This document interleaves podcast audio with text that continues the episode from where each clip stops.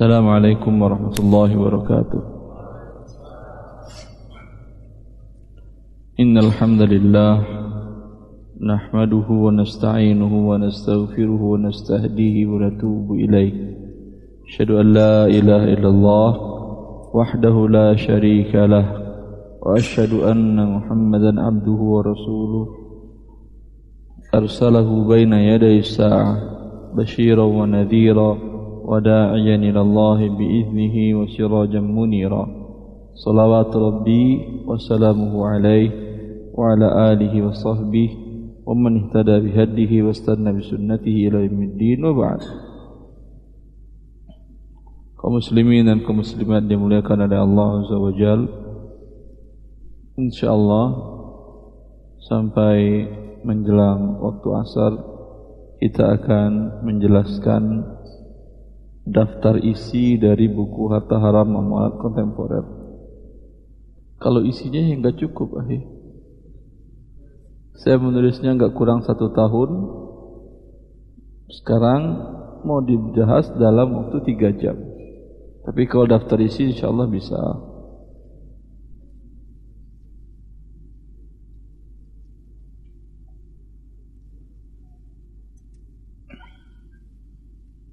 Ini saya tulis buku ini ketika saya masih mengambil program S3, sedang mengambil menyelesaikan program S3 di Universitas Muhammad, Imam Muhammad bin Saud di Kota Riyadh pada tahun saya mengambil S3 itu tahun 2006 sampai 2011 lima tahun.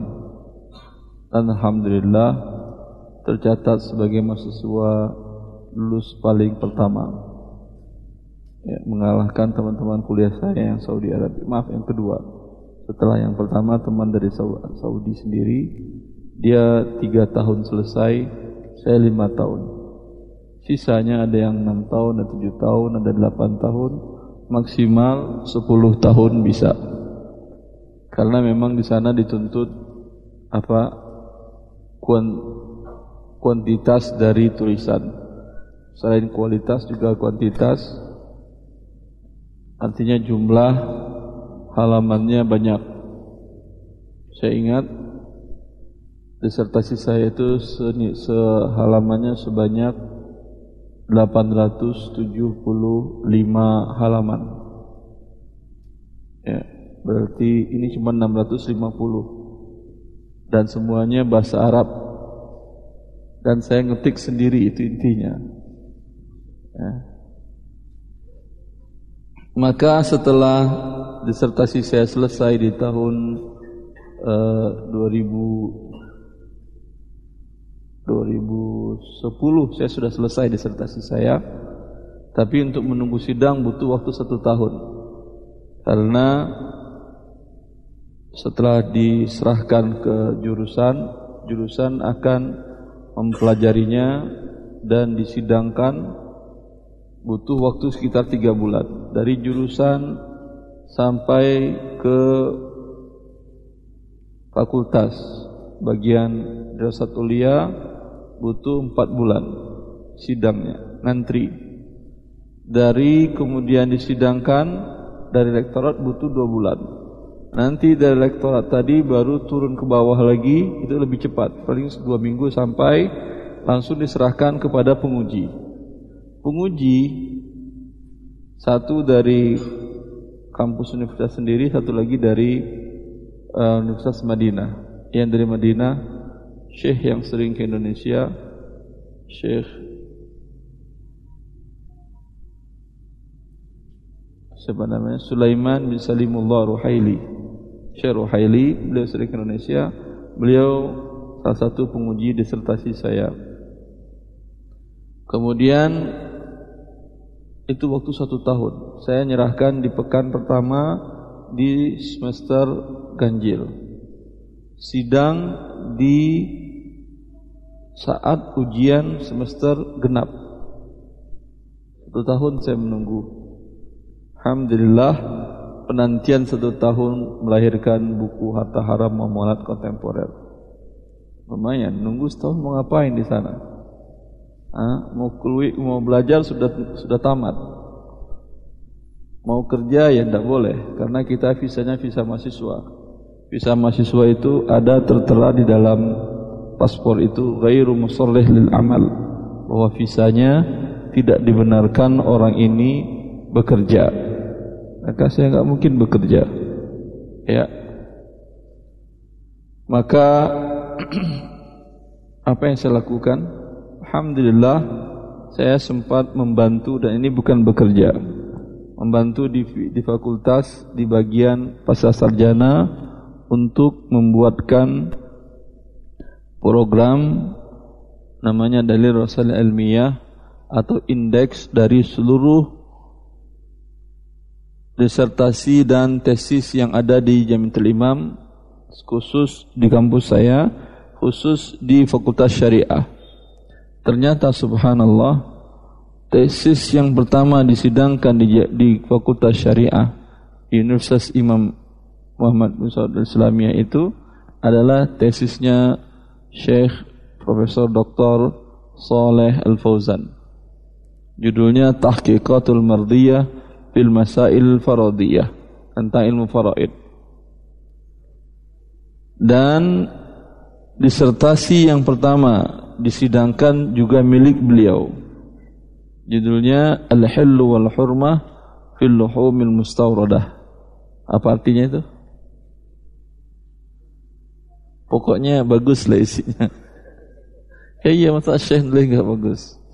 Halal haram tentang daging impor. Itu disertasi beliau. Saya melihat banyak jumlah disertasi dan tesis itu ada sekitar seribuan lebih. Ini semuanya karya ilmiah. Karya ilmiah seperti ini ya dan karena saya membuatkan program otomatis saya ngecek semuanya dan kemudian kita scan saya uh, apa uh, daftar isinya dan diketik ulang dibuatkan program uh, apa nama program searching untuk ini permasalahan ini ada di mana. Permasalahan ini ada di tesis yang mana disertasi yang mana. Penting memudahkan penuntut ilmu di akhir zaman yang banyak malasnya. Iya kalau ulama dulu ndak. Cari satu masalah pergi ke maktabah pergi ke perpustakaan ambil kitabnya baca untuk mencari satu kasus yang dia butuhkan mungkin lima hari kalau mahasiswa sekarang tinggal ketik di program searching tadi, keluar buku maunya yang mana. Ya, memang lebih singkat jalannya, tapi biasanya semakin singkat jalannya semakin kurang berkah ilmunya. Karena ulama dahulu membaca sebuah masalah dari Sahih Bukhari, dia buka semuanya, setiap permasalahan lewat yang dia baca pasti bertambah ilmu. Tapi kalau dengan sekali pencet keluar permasalahan yang anda inginkan, ilmu anda tidak akan banyak bertambah kecuali tentang itu saja. Itu hikmahnya. Maka kemudian kita bikinkan dan saya lihat banyak tesis dan disertasi dalam masalah muamalat maliyah. Itu setiap mahasiswa yang sidang tesis disertasi dia menyerahkan uh, cetakan dan CD. Apa namanya? Uh, hard copy dan soft copy dia serahkan. Yang soft copy itu itu kita jadikan suatu program ya untuk memudahkan itu. Maka saya bilang ini kalau saya curi soft copy-nya ini subhanallah enak ini. Bisa dibawa ke Indonesia, bisa diterjemahkan ke bahasa Indonesia dan Subhanallah perkembangan keilmuan luar biasa. Karena sebuah masyarakat, sebuah komunitas, sebuah bangsa itu menjadi besar dengan ilmu. Apalagi ilmu syar'i. Allah sudah memastikan itu yarfa'illahu alladhina amanu minkum walladhina utul ilm darajat. Pasti Allah angkatkan orang beriman di antara kalian dan diberikan ilmu. Darajat tingkatan yang sangat banyak. Ya. Tapi ini pencurian nggak boleh. Tentu saya akan di dikejar oleh FBI-nya Arab Saudi. Bahwa ada pencurian ilmu di mana CD-CD dibawa ke Indonesia. Ya, maka saya terpikir saya harus nulis kalau begitu. Kalau nulis kan bukan pencurian. Ya, maka saya tulis buku harta haram ini. Dari permasalahan muamalat yang banyak, maka kemarin saya sempat kenapa saya pilih muamalat? Karena muamalat ini yang banyak perkembangannya. Kalau masalah ibadah, perkembangan masalah kontemporer tidak terlalu banyak. Tapi masalah muamalat, perkembangannya luar biasa. Kenapa itu terjadi? Karena kaidah dalam ilmu syar'i, kaidah fikih mengatakan bahwa permasalahan ibadah tauqifiyah bila tidak ada penjelasan dari syariat nggak boleh kita lakukan kalau kita lakukan menjadi bid'ah berbeda dengan masalah muamalat masalah muamalat tidak tauqifiyah sehingga dijelaskan al-aslu fil muamalatil ibahah pada dasarnya setiap muamalat hukum asalnya boleh Selagi ada suatu muncul muamalat baru, suatu transaksi baru. Ya, umpamanya ada GoPay yang terakhir, ada Imani ya. Tinggal dilihat, ini ada tidak hal yang menyebabkan dia diharamkan. Kalau ada, jadi tidak boleh. Kalau tidak, bagaimana cara agar jadi boleh? Buang yang tidak bolehnya tadi, sehingga dia jadi boleh. Kalau tidak ditemukan hal menunjukkan tidak bolehnya, hukum asalnya menjadi mubah. Ya. Oleh karena itu, kalau ada orang yang menulis buku niaga ala Rasulullah SAW, menurut saya kalau anda ikutkan zaman sekarang, nggak bakal anda jadi orang kaya. Karena Rasulullah SAW barang dagangannya apa? Hah? Pakaian? Bukan kulit udum, kulit dan gandum. Siapa di sini yang pedagang kulit ada? Enggak ada kan? Itu dagangnya kuliner, kulit bukan kulit. Ya, berarti bisa kalau begitu. Pergi ke tukang kulit, beli kulit seperti Rasulullah SAW. Pergi beli gandum, beli jual gandum. Ya, ini menunjukkan bahwasanya dalam muamalat terbuka. Baik objek dagang Anda maupun caranya silahkan. Sehingga syariat Allah ini mengajarkan kita untuk inovasi. Ya. Baik di dalam objeknya ataupun bentuk transaksinya bentuk akadnya silahkan ketika Rasulullah SAW datang ke Madinah beliau telah dapati penduduk Madinah itu membuat akad namanya akad salam. Salam itu apa itu salam? Pegangan tangan itu bersalaman bukan akad salam. Akad salam itu dibayar uang cash di depan, terima barang atau jasanya nanti. Hah? Saya bayar uang sekarang 10 juta, motornya terima mungkin 6 bulan, setahun, 2 tahun ke depan. Konsekuensi harganya bagaimana? Murah tentunya. Kembalikan dari akad kredit di mana barang diterima dulu kemudian baru kemudian dibayar nantinya. Tentu lebih mahal. Ya. Rasulullah datang ke Madinah dan beliau dapati penduduk Madinah sudah melakukan akad salam tadi. Salam apa? Objeknya apa? Kurma, buah-buahan. Dikatakan Ibn Abbas dalam sahihain bahwa kanu yuslifuna fi thimari li sanatin aw sanatai aw salas. Ketika Rasulullah datang ke Madinah, orang-orang sudah biasa membuat akad salam Jatak tempo serah terimanya satu tahun, dua tahun, tiga tahun. Ya, serahkan uang, terima barang tahun depan, atau dua tahun depan, atau tiga tahun depan. Lalu Rasulullah SAW membuat ketentuan, karena bila dalam syariat dalam syariat Islam, Islam itu menjaga hak kedua belah pihak, menguntungkan kedua belah pihak. Tidak menginginkan satu pun terzalimi. Maka Rasulullah SAW mengatakan, "Man aslama fi syai'in, man aslafa fi syai'in falyuslif fi kailin ma'lumin wa waznin ma'lumin ila ajalin ma'lum." Barang siapa yang membuat akad salam, serahkan uangnya di majelis akad Kemudian beratnya harus jelas. Kemudian ukurannya harus jelas, serah terima tanggalnya jelas dan tempatnya pun jelas. Ini namanya akad salam. Bila dilanggar dia menjadi haram. Kalau tidak diserahkan uang pada waktu akad, yaudah nanti nanti mundur-mundur sampai barang diterima baru diserahkan. Ini namanya akadnya hutang dengan hutang. Hukumnya haram. Nah, Nabi sallallahu alaihi wasallam kali bil kali. Ya. Maka dari kaidah ini para ulama sampai sekarang begitu. Setiap ada sebuah transaksi yang baru, mereka akan lihat dan perhatikan.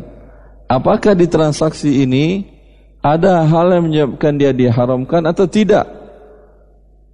Kalau ada, maka dia mengatakan transaksinya haram. Ya. Kalau tidak ada, maka transaksinya halal. Karena hukum asalnya halal. Bukan berarti karena transaksi ini tidak ada di masa Rasulullah, maka ini transaksi bid'ah. Tidak.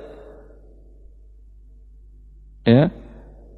Bahkan sebaliknya, karena transaksi ini tidak ada di masa Rasulullah, maka hukum asalnya boleh dan ini menjadi boleh. Dan Rasulullah SAW memberi, memberikan kaidah umum dalam berjual beli dan berbisnis itu hanya larangan-larangan.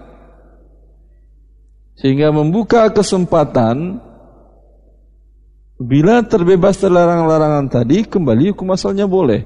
Orang bisa berinovasi dengan cara yang lebih luas. Ya. Maka jangan takut belajar buku harta haram, baca buku harta haram ini. Ini semua haram nih Bas Ustaz ini ini. Ah ini dah haram pula. Inilah haram, ini haram juga. Ini riba, ini judi. Gimana saya mau hidup ini? Yang salah Anda. Kenapa Anda sebelum hidup, eh, sebelum hidup. Kenapa Anda sebelum mulai bekerja mempelaj tidak mempelajari syariat Allah? Kalaulah Anda pelajari syariat Allah, ketika mendapat tawaran kerja atau tawaran bisnis atau kesempatan transaksi akan Anda mengetahui oh ini ini tidak boleh. Ini mengandung unsur haram. Ini ada ribanya di sini. Sini ada bentuk nilai gharar dan judinya. Saya tidak mau, saya cari yang lain. Atau kalaupun mau saya minta saya mau bekerja di sini tapi yang ini saya nggak mau lakukan. Oh ya tidak bisa kata, tidak bisa cari cara yang lain ya. Bukan asal bekerja saja. Bukan asal main terima saja pekerjaan tersebut.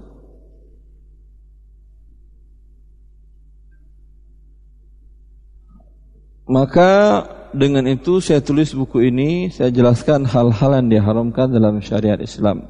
Pertama metodenya saya buat penjelasan makna kaidah dan dalil Kemudian setelah itu baru aplikasi dari kaidah-kaidah ini dalam akad kekinian.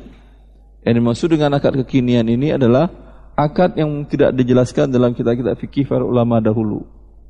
Lalu adanya di mana, akhi? Adanya di tesis dan disertasi penelitian para penuntut ilmu zaman sekarang. Anda bisa lihat di di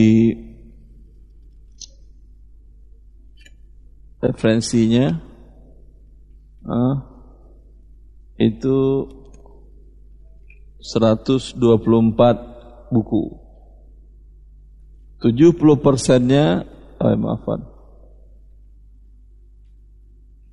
Masuk ya silakan masuk. Coba sebanyak yang kosong. Dalam dingin di luar hangat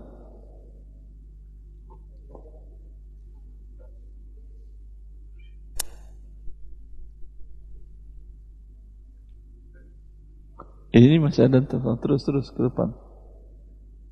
Terus saya mau masuk. Lebih dari 80 persennya adalah tesis dan disertasi. Ini tidak ada temukan bukunya di Indonesia. Saya pun sekarang kalau untuk mencari bukunya ini, saya pun tidak bisa. Karena masuk ke kota Riyadh beda masuk Mekah Madinah. Masuk ke Mekah Madinah bisa dengan visa haji dan umroh. Kalau masuk kota Riyadh harus visa calling visa, visa panggilan. Gak bisa kita yang mengajukan, tidak bisa. Hmm. Maka jangankan anda, saya pun sekarang kalau disuruh mana bukunya nih Ustaz, saya pun sudah nggak tahu. Gak bisa masuk lagi ke sana carinya. Sebagian seperti tadi ada yang saya bawa tapi saya izin ke penanggung jawab di bagian pasca sarjana di sana saya minta Syekh boleh ini saya kopi saya bawa ke Indonesia boleh tapi untuk kebutuhan pribadi ya Alhamdulillah dimudahkan oleh Allah Azza wa Jalla maka ada tiga hal tapi sekarang saya sedang membuat hal yang keempat. hal yang keempat semoga dimudahkan oleh Allah Azza wa Jalla. Yang menyebabkan sebuah transaksi itu menjadi tidak halal. Ada namanya riba, ada namanya gharar, ada namanya zalim. Yang keempat sekarang saya sedang saya tulis, saya bocorkan berarti ya, saya bocorkan. Yaitu bab at-ta'awun alal ismi wal udwan. Bab riba riba berarti penambahan dari hutang piutang. Ya, baik disepakati dari awal maupun dia mengatakan kalau terlambat akan ada pertambahan. Ada yang ini juga riba. Ada yang mengatakan tidak terlambat pun tetap ada bunganya sekian persen. Ini juga riba. Ah, ini dia yang riba. Riba ini sudah ada semenjak semenjak siapa? Semenjak Nabi apa? Hah? Nabi Adam. Masya Allah. ada dalilnya nih.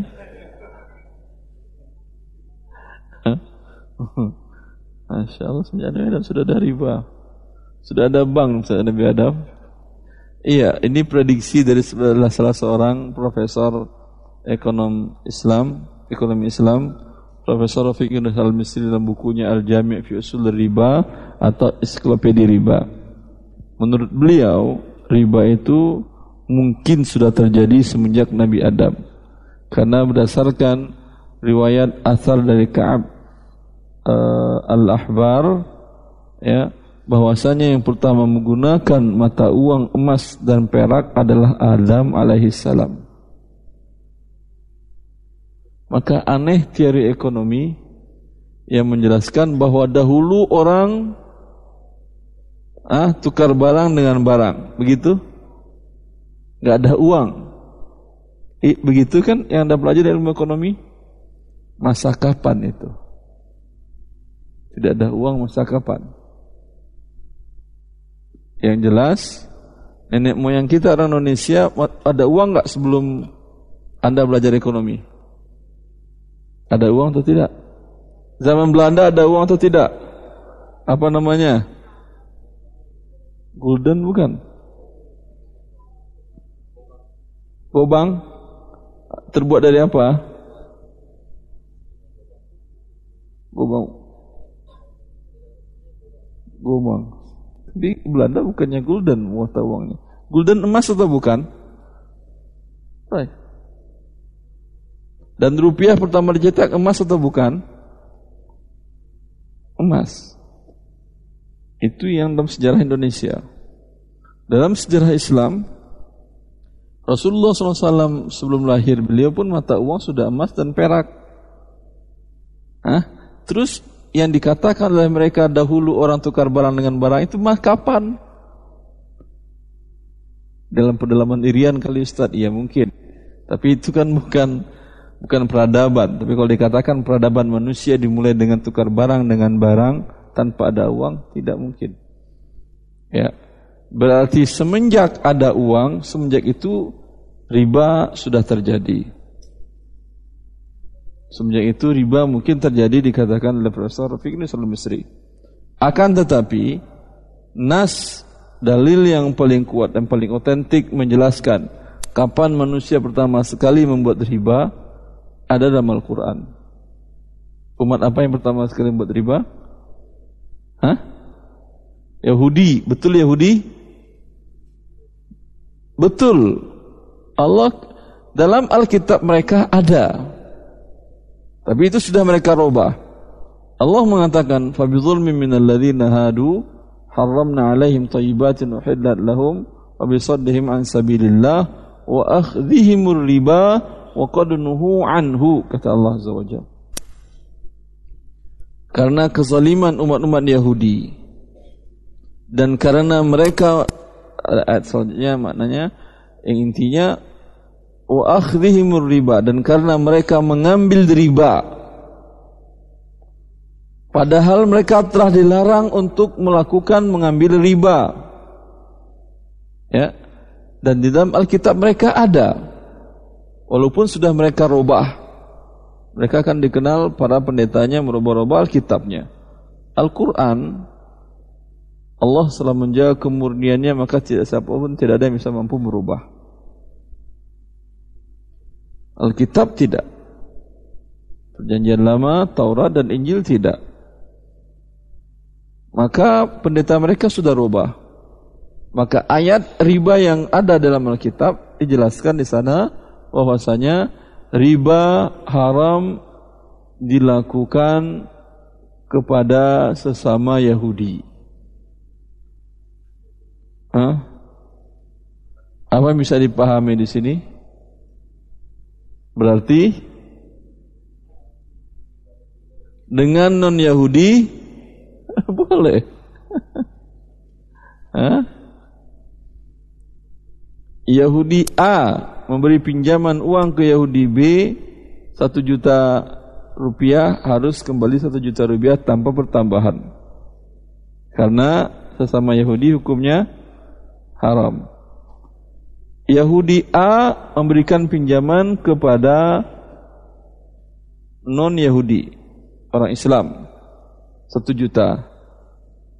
Boleh dia mengambil satu juta seratus? Boleh. Dan sampai hari ini setahu saya lembaga keuangan seperti ini mereka membuat aturan. Karena saya tahu ada salah seorang pejabat di Bank Indonesia ketika dia bertobat, dia resign, dia bilang, tapi saya ada hutang satu miliar lebih di kantor Ustaz. Tapi Alhamdulillah hutang itu tanpa ada bunga saya pinjam satu miliar lebih, saya kembalikan juga satu miliar satu miliar seperti angka yang saya pinjam. Dia bilang satu setengah m, saya kembalikan satu setengah m juga, tanpa ada pertambahan, tanpa ada denda keterlambatan. Sama kan berarti kan ya? Hah? Karena ilmu mereka sama-sama dari Yahudi ya samalah. Tapi kalau bank memberikan kepada bukan kepada tukang ribanya sama-sama tukangnya ya maka dia minta bunga ribanya Allah taala alam dari sini riba muncul kemudian dari ini dari sini kemudian mereka mengajarkan riba kepada dunia seluruhnya. Sampai ke negara Arab juga. Orang-orang Yahudi. Kenapa orang Yahudi datang ke negeri Arab? Kenapa? Hah? Karena menunggu Nabi terakhir. Muhammad sallallahu alaihi wasallam. Ada dalam Alkitab tentang di mana tempat Nabi terakhir itu seperti yang dijelaskan oleh Salman Al Farisi. Salman tahu di mana Nabi terakhir dan karena sudah dijelaskan dalam kitab di mana akan dibangkitkan. Ya. Dan mereka berharap nabi terakhir itu dari Yahudi. Ternyata bukan dari Yahudi sehingga mereka mengingkarinya. Padahal dari awal mereka tunggu-tunggu. Selama penungguan ini dan selama hijrahnya mereka ke negeri Arab tadi, mereka akan membawa dan menyebarkan peradaban mereka di antaranya peradaban riba. Maka ketika riba diharamkan, paman Nabi Muhammad wasallam Al-Abbas bin Abdul Muttalib beliau seorang pedagang namanya pedagang tentu banyak membuat riba. Sehingga Rasulullah mengatakan dalam haji wada' wa awalun riba adahu ribana ribal Abbas. Riba yang paling pertama aku batalkan adalah riba dari keluarga kami sendiri yaitu riba Al-Abbas bin Abdul Muttalib. Paman Nabi Muhammad sallallahu alaihi wasallam. Maka semenjak itulah riba diharamkan bagi umat Islam. Ini menjelaskan kepada kita segala sesuatu yang merusak kehidupan manusia itu dalam agama Yahudi, agama Nasrani, Islam itu haram. Syirik haram dalam agama Yahudi, Nasrani, Islam. Apalagi zina haram dalam agama Yahudi, Nasrani, Islam. Membunuh ha? haram dalam agama Yahudi, Nasrani, Islam. Riba ha? haram dalam agama Yahudi. Dan begitu juga agama Nasrani. Dan begitu agama Islam. Apa buktinya bahwa riba itu diharamkan juga dalam agama Nasrani? Agama Nasrani, mereka bila tidak ada penjelasan, mereka ikut tentang apa yang ada dalam perjanjian lama itu tahu Taurat. Dan itu dipahami oleh para pendeta Yahudi. Dan karena itulah para pendeta Yahudi itu mengharamkan riba. Akan tetap dan karena itulah maaf karena itulah para penghusung pembuat teori riba mereka membuat argumen-argumen seolah-olah riba menjadi sebuah tuntutan dalam bisnis tuntutan dalam kehidupan. Kalau tidak dengan riba akan terjadi kerugian dalam bisnis dan kehidupan Hah? pada abad ke-17 setelah masa Renaissance maka para ekonom-ekonom riba tadi membuat teori teori bahwasanya bahwa waktu adalah uang.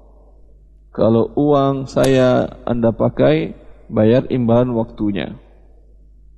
Betul ini. Secara logika betul atau tidak? Waktu adalah uang? Tentu salah. Karena setahu saya tidak ada orang yang kaya di dunia pengangguran. Ada orang yang terkaya di dunia, si fulan adalah orang terkaya di dunia karena dia pengangguran. Ada? Karena yang paling banyak waktu siapa? Pengangguran. Kalau waktu adalah uang, berarti dia yang paling banyak uangnya. Iya atau tidak? Dalam Islam, waktu bernilai uang betul kalau diikat dengan barang dan jasa. Jelas? Anda menjual barang, rumah, mobil, kendaraan, barang apa pun juga. Nih saya jual satu miliar cash. Wah saya nggak punya uang cash pak. Saya mau mencicil selama satu tahun. Kalau satu tahun, saya akan tambahkan margin saya menjadi 1,1. Kalau terlambat pak dari satu tahun, tidak ada pertambahan saya akan jaminkan hak saya mungkin saya minta asetnya segala macam untuk dijaminkan kalau suatu saat Anda ingkar janji. Boleh ini? Hah? Boleh atau tidak? Ini dia waktu yang boleh bernilai uang. Tadi kalau cash yang satu miliar, satu tahun pembayaran bertambah 10 persen. Ini kan imbalan apa? Waktu? Iya, imbalan waktu. Tapi waktu yang diikat dengan barang. Jelas?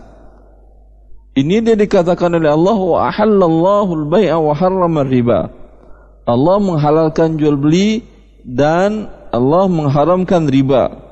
Ini ayat ini turun karena orang-orang kafir Quraisy mengatakan, kalau riba haram, berarti juga jual beli haram. Qalu innamal bai'u mithlur riba. Orang-orang kafir Quraisy bilang jual beli itu sama dengan riba. Yang mereka maksud jual beli tunai atau tidak tunai? Tentu tidak tunai karena jual beli tunai sudah 1 M 1 M. Kata mereka kan sama aja. Saya pinjam uang 1 M ke seseorang. Kemudian saya bilang untuk apa? Mau beli rumah. Ya udah, bayar nanti 1 M 1,1 ya. Riba atau tidak? Riba.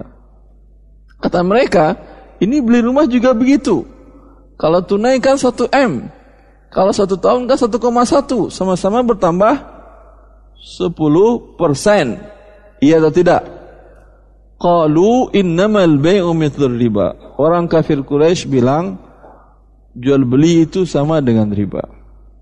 Kalau kalian ha, mengharamkan riba ketika riba turun, harusnya kalian juga mengharamkan jual beli yang tidak tunai kalian yang harganya lebih mahal dari yang tunai. Dijawab oleh Allah apa? Wa ahallallahu al-bai'a wa harrama riba. Oh, tidak sama kata Allah. Allah telah menghalalkan jual beli dan Allah telah mengharamkan riba. Jelas ini? Betul kalau begitu teori waktu adalah uang? Tidak. Ya. Tapi kalau waktu yang diikat dengan barang dan atau jasa, tadi ini barang. Kalau jasa, Anda bekerja di perusahaan X, ya Anda berikan jasa Anda kepada dia. Ada tidak ada kerja, Anda digaji atau tidak? Ya digaji. Ini dia waktu, walaupun tidur, ya walaupun tidur. Apa salahnya Anda digaji untuk tidur? Ya. Ini dia imbalan jasa. Ini yang benar. Kenapa mereka membuat teori ini? Untuk berusaha menghalalkan riba. Hah? Kenapa kira-kira? Karena riba itu terlarang atau suatu hal yang boleh? Terlarang. Karena suatu hal yang boleh gak perlu dibuat argumen untuk pembenarannya. Dari mana mereka tahu riba terlarang? dari Alkitab mereka, dari Injil, dari Taurat. Kalau kita kaum muslimin, ya.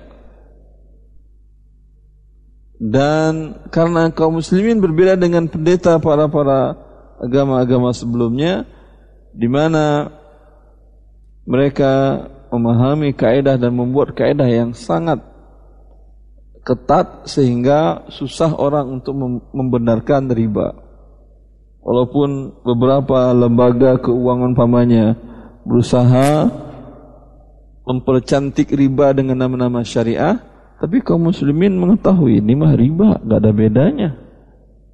Ya, beda dengan para ulama-ulama Yahudi dan Nasrani yang sangat gampang untuk dibodoh-bodohi oleh para pelaku riba di masa-masa tersebut. Oleh karena itu, ini tujuan buku saya tulis. Untuk memberikan kaidah kepada kaum muslimin dalam mereka menjalani hidup ini. Karena dalam Islam, Islam bukan agama sekedar ibadah mahdoh saja. Allah mengatakan bahwa permasalahan harta dalam Islam bukan permasalahan dianggap remeh. Bagian dari tonggak kehidupan manusia. Kata Allah Azza wa Jal, وَابْتَلُوا الْيَتَامَ حَتَّى إِذَا بَلَغُوا النِّكَاحِ فَإِنْ آنَسْتُمْ مِنْهُمْ رُشْدًا فَادْفَعُوا إِلَيْهِمْ أَمْوَالَهُمْ Kata Allah, Allah mensifati wala tu'tu sufa amwalakum allati ja'alallahu lakum qiyama. Jangan kalian serahkan harta kalian yang harta tersebut sudah Allah jadikan sebagai tonggak hidup kalian kepada orang yang tidak mengerti, bodoh, tidak bisa mengelolanya. Allah sifati harta qiyam sebagai tonggak kehidupan kita.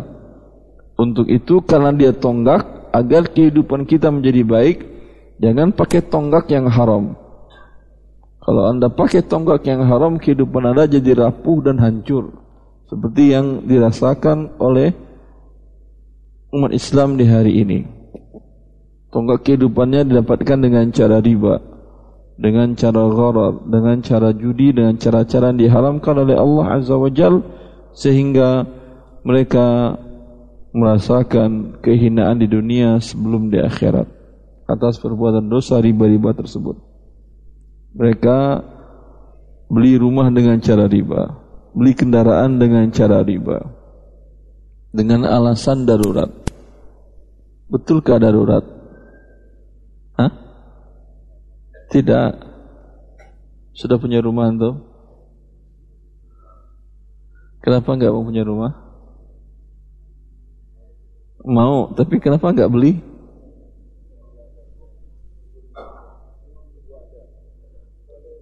Uang nunggu ada uang, bakal ada insya Allah, insya Allah. Nah, tapi kapan nggak ada yang tahu kan ya? Siapa yang beli rumah dengan tanpa riba? Ada? Ini aib bagi jamaah Masjidil Isya nih. Sebegini banyak nggak ada yang beli tanpa bunga, tanpa dengan bank, tanpa dengan riba. Saya nggak ada. Kok malu berbuat baik kok malu? Jadi contoh bagi yang lainnya, akhi. Siapa yang bangun rumah? Ah, taib, masya Allah, khair. Bagaimana caranya antum beli rumah?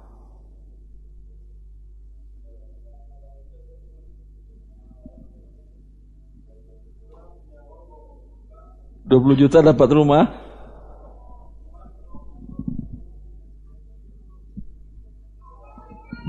Siapa antum sedekahin? Sedekahin buat saudara. Tadinya sih buat DP rumah untuk ngambil rumah Pak Ustaz. Ah, terus, terus rumah riba berarti tadi. Iya. Tapi nggak jadi Anda sedekahin buat saudara. Terus ya kadar Allah dapat proyek, Ustaz. Proyek itu apa? Ya maksudnya anak kan kerjanya di sipil, Ustaz. Teknik sipil. Uh, maksudnya bangun rumah, Ustaz. Bangun rumah. ya Allah ganti dari situ, Ustaz. Allah ganti dari bangun rumah. Iya dari. Dapat rumah bangun. Entah gimana maksud? Dikasih kerjaan, Ustaz. Terus dapat uang untuk beli rumah dari itu. Iya, temen anak nggak pernah punya uang sampai ratusan juta gitu, Ustaz. Tapi, Tapi waktu itu punya bisa beli tanah langsung bangun rumah selesai tanpa hutang sama sekali. Tanpa hutang riba. Alhamdulillah. Alhamdulillah. Berarti kan bukan beli rumah, beli tanah. beli, beli tanah langsung bangun, Tat. Ya kan beli rumah atau beli tanah? beli tanah dan bahan baku kan ya? Iya, beli tanah. Iya, dari saya, setahu saya nenek moyang kita dulu bangun rumah kan seperti itu. Tidak pakai bank, tidak pakai riba, mereka juga punya rumah. Ya. Ini mungkin bisa, tapi kalau kendaraan bisa beli ban dulu, Ah? Baik. Alhamdulillah. Ini bagus, contoh bagus. Ya. Allah kan tidak pernah mewajibkan kita harus beli rumah. Allah hanya mewajibkan para laki-laki, para suami untuk memberikan tempat tinggal ke anak dan istrinya. Kata Allah, askinuhum min haitsu sakantum min wujdikum. Kata Allah Azza wa Jalla, berikan mereka tempat tinggal istri dan anak-anak kalian tersebut. Di mana kalian tinggal? Kalian tinggal dengan kontrak mereka ikut tinggal di rumah kontrakan. Kalian tinggal di rumah dinas mereka ikut tinggal di rumah dinas. Kalian tinggal di rumah mertua mereka ikut tinggal di rumah mertua dan seterusnya. Kalau Allah tidak mewajibkan kenapa anda memaksakan diri dengan cara yang haram kalau dengan cara yang halal, pelan-pelan beli dulu tanah. Ya. Beli tanah bisa per meter. Per meter, per meter, per meter, per meter. Hah? Berarti pakai riba juga ini kalau gitu. Ketika bisa, sekarang masih ada yang 20 juta per meter, 20 juta dari tanah. Tak sekarang berapa tanah di sini? 4 juta per meter. Minimal rumah berapa luas tanahnya?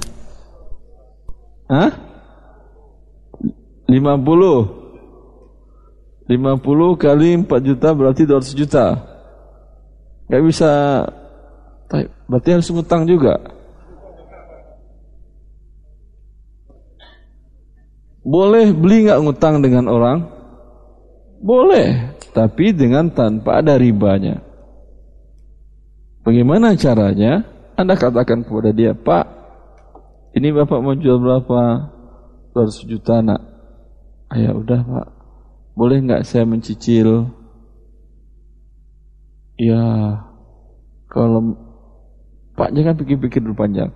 Kalau Bapak boleh mencicil, Bapak akan mau mau jual 200, saya bayar 300. Tapi beri saya waktu satu tahun mencicilnya atau dua tahun. Mau nggak si Bapak tadi? Hah? Mungkin mau, mungkin tidak, tergantung. Kenapa Anda pastikan mau? Tergantung. Kalau dia tidak mau, ya udah cari yang lain yang mau. Ya. Kan Allah tadi menghalalkan jual beli, mengharamkan riba. Ya. Dan alhamdulillah biasanya banyak orang yang mau seperti ini kalau dia tidak butuh uang mendesak. Ada saya pernah dihubungi seseorang jamaah dari Jakarta Selatan. Dia ingin beli ruko dari non muslim malah. Yang jual ruko itu non muslim di daerah Bogor. Dengan harga 2 miliar tunai. Lalu dia hubungin saya, Ustaz, saya udah hubungin salah satu bank syariah X untuk dapat pembiayaan ya. Tapi ini sudah agak telat. Saya khawatir nanti didahului orang. Saya bisa nggak Ustaz bantu agar mempercepat prosesnya di bank X tadi? Saya mengatakan saya nggak mau bantu anda berurusan dengan bank. Tapi kalau anda mau saya bantu anda bagaimana skema yang bagus untuk anda dunia dan akhirat anda. Apa itu Ustaz anda sudah datang berapa ke pemilik ruko dan ke bank. Berapa harga yang ditawarkan pemilik ruko? 2M Ustaz. Bank berapa nanti jadinya Anda mencicil ke dia? 2,7 Ustaz. Berarti ada pertambahan 700 juta dari harga 2M. Terus Ustaz datangi yang penjualnya minta ke dia saya beli ke Anda dengan harga 2,7 M. Tapi tidak ada denda keterlambatan, balik nama, kita taruh di notaris, setelah selesai baru balik nama. Mau nggak non muslim ini? Ya maulah dia. 700 juta ya akhi. Hah? Dua Innova itu kan ya? Kan kebayang oleh dia, oh Masya Allah. Hah? Mau dia, non muslim aja mau. Ya. Terus ya udah saat saya coba. Dia coba datang nawarkan saya mau saya siap beli harga lebih. Ya, saya datang ke bank tapi bank menurut saya daripada untung bank untuk bank lebih baik ambil oleh kamu. Ya, dapat ke uang. Kalau bank aja mau dia masa Anda tidak mau? Hah? Kata dia, Alhamdulillah Ustaz, bisa saya nego dapat potongan dari 2,7 150 juta. Berarti harga 2,55. Untung saya 150 juta Ustaz. Ente berutang masih untung. Kata dia, Alhamdulillah ini berkah dari petunjuk Ustaz dan saya dengan sangat berharap dan memohon agar Ustaz kirimkan rekening Ustaz ke saya sehingga selisihnya saya bagi dua 75 untuk Ustaz 75 untuk saya. Saya katakan, siap saya kirim ke kamu, tapi setelah hutangmu yang 2,5 bayar. Anda masih punya hutang 2,55, pengen ngasih hadiah ke orang. Nanti kalau sudah selesai, hubungi saya kirimkan rekening saya. Gak ada masalah. Ya, Alhamdulillah sampai sekarang belum. berarti kan, berarti kan belum selesai hutangnya. kalau sampai udah lunas pun belum dia bayar, belum dia kasih, saya berdosa nggak dia? Tidak. Dalam syariat Islam, janji kebaikan tidak mengikat. Paham? Janji kebaikan tidak mengikat karena dia bukan akad. Paham ini dengan baik. Kecuali orang dijanjikan tadi setelah melakukan konsekuensinya. Cuma satu kasus ini yang mengikat janji. Kalau tidak, yang berjanji berdosa. Ya. Dalam kasus dijelaskan oleh para ahli fikih tentang seseorang mengatakan kepada temannya, umpamanya menikahlah engkau, saya tanggung biaya pernikahan. Tadi saya nggak punya uang bang. Berapa sih kira-kira? Ya berkisar 7 sampai 6 juta, 7 sampai 10 juta lah bang. Ya udah, 7 jutanya saya bayarkan. Ya,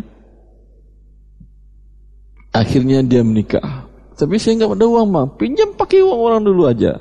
Pinjamnya uang orang berutang dia 7 juta dan nikah dia. Udah nikah, bang mana uang 7 jutanya? Kau yang enak nikah, aku yang bayar.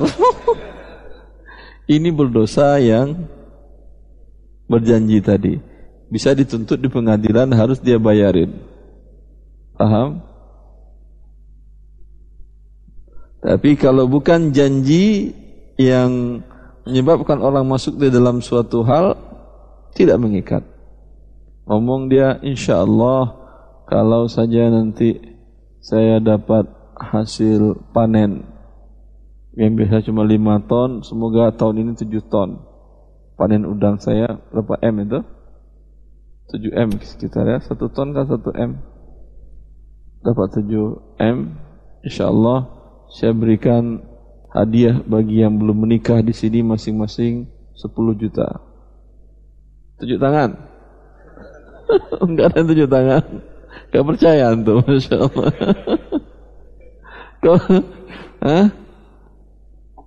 Kemudian mana tuh Sa Erwandi saya udah nikah, saya udah nikah, minta empon ke panitia. Mana tuh Sa Erwandi saya udah nikah tadi.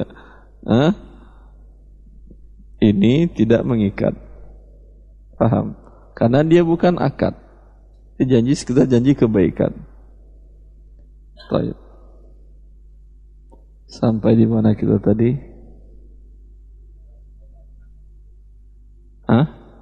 Ini kan bedah buku kan? Bagaimana lagi yang mau kita bedah? Ya riba udah selesai. Riba belum selesai tadi itu panjang lagi. Riba itu ada dua bentuk. Ada riba utang piutang, ada riba jual beli. Ya, Atau begini aja lah metodenya, antu yang bertanya nanti saya jelaskan ini bagian yang mana dari buku saya. Setuju? Setuju sih? Setuju? Bismillah kalau setuju.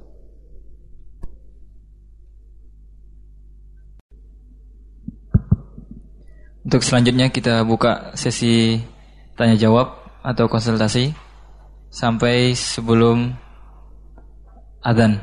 Bisa lewat tulisan atau secara langsung. Terima kasih.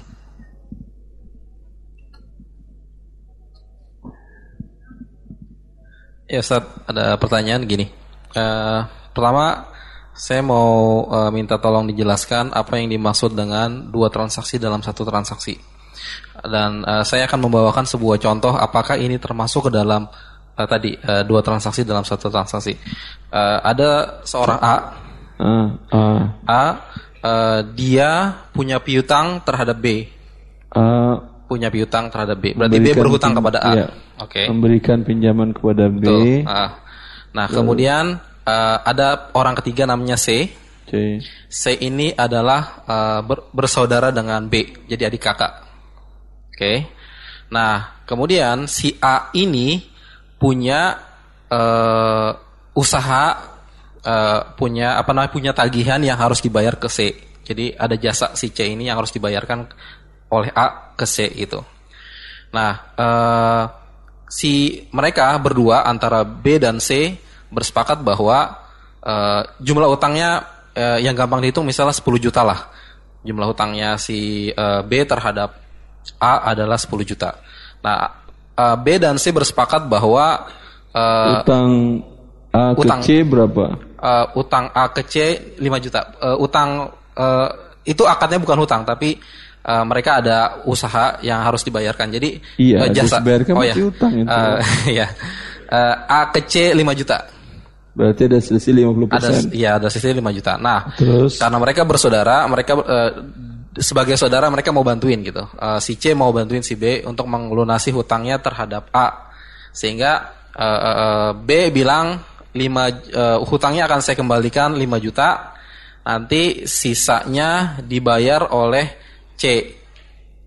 Karena tapi C bilang ke A bahwa karena jasanya belum dibayar, berarti nggak usah dibayar karena itu adalah sebagai bentuk bayar Jasanya belum dibayar. Ya jadi kan jadi kan transaksi antara A dan C itu adalah transaksi jasa. Jasanya yang tadi senilai 5 juta tadi. Jadi bukan hutang antara antara A dengan C itu bukan hutang, tapi transaksi jasa yang belum dibayarkan gitu. Apa sih realnya transaksi jasa saya pusing nanti. Eh, Misalnya kasih si nama biar gampang kasih nama. Oke. Si A nama siapa? A namanya adalah Agung. Agung. B adalah namanya Budi gitu. Ya, A, Agung dengan Budi bikin apa? Agung dengan Budi itu transaksi dia minta tolong di eh, dibuatkan sebuah meja. Buatkan meja. Ya, Barang-barang materialnya dari siapa? materialnya itu dari B- eh, tadi Agung tadi gitu. Agung. Iya, sehingga Agung punya meja, punya ingin buat meja, dia Iya. beli materialnya. ya sehingga begi, Agung barangnya udah buatin kata dia. ah, udah dibuatin. Nanti saya bayar ya, uang. Ya. Berarti si Agung berhutang bukan berpiutang. Eh, bukan, maaf si Agung itu tadi lu jadi bingung, jadi bingung. nah maksudnya A ini Agung ini meminta kepada C, anggaplah C ini Chandra ya. Jadi tiga tiga pihak. A Agung, B Budi, C adalah Chandra. Oke, kita pakai nama. Saya ulang lagi. A Agung, B Budi, C Chandra. B- eh, Agung punya piutang terhadap Budi. Ini transaksinya beneran hutang, Uang. uang terhadap B. Tadi jasa, sekarang uang. Nggak, yang jasa terhadap C, Chandra. Lah. Bingung. Nggak, tadi A dengan B- Agung dengan Budi kan tadi buat Ag- ini bukan? Bukan, Agung dengan Chandra yang buat. Maksud saya, saya revisi. Agung dengan saya jelasin lagi. Agung Sekarang dengan- kasus baru lagi, tadi udah ditutup. Enggak, Udah. enggak, enggak, enggak. Ini dijelasin lagi, ini didetailin lagi. Kalau yang tadi kan antum bilang antara Chandra antara si Agung dengan Budi buatin meja material dari Agung begitu kan ya? Antara antara Agung dengan Chandra, A dengan C adalah jasa meja tadi. Jadi Ada saksi lain nggak? Saya khawatir antum lagi stres. nggak ada, nggak ada, nggak ada, Nggak ada, tahu. Nggak ada, ya. Jadi mejanya udah beres, tinggal dibayarkan. Oke, berarti jasanya udah udah selesai, tinggal dibayarkan. Tapi si si Chandra tidak mau dibayarkan, anggap yang tadi itu buat sisa utang yang eh, si Utang Budi mana? tadi. Agung dengan Budi kan berhutang, sementara Bu, Budi dengan Chandra adalah Agung namun dia berutang gimana? Agung dengan Budi itu berhutang. Budi berhutang terhadap Agung maksudnya. Budi dengan Chandra adalah saudaraan, sehingga sebagai saudara si Chandra beritikat, ya dah mejanya nggak usah dibayar, itu adalah hutang apa sisa pelunasan Kan utang. nggak usah dibayar, nggak usah serahkan uang. Ya nggak usah diserahkan uang karena ya, yang uangnya itu pembayaran hutang yang kau pinjamkan uang ke Budi. betul.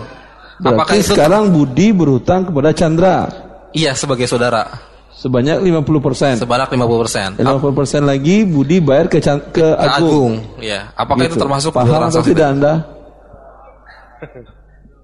itu serah Anda lah apa. Yang penting kan dia yang penting bukan Anda. Pertanyaannya apa? Apakah itu termasuk dua transaksi tadi? Dua transaksi dalam satu transaksi. Ini namanya dalam syar'i bukan dua transaksi dalam satu transaksi. Ini namanya akad hiwalah. Hiwalatud dain. Mengalihkan hutang. Boleh dengan syarat tidak ada pertambahan. Kalau ada pertambahan, riba di sana. Hati-hati dengan fintech. Fintech seperti ini bentuknya banyak. Anjak piutang, alih piutang, alih hutang. Ya. Seperti umpamanya seseorang menjual barang kepada seorang atau ada jasa tadi. Berarti si Agung kan tadi bayar jasa senilai 5 juta umpamanya kepada Chandra. Ya. Lalu Agung ingin dapat cepat, itu waktunya umpamanya ada tiga hari.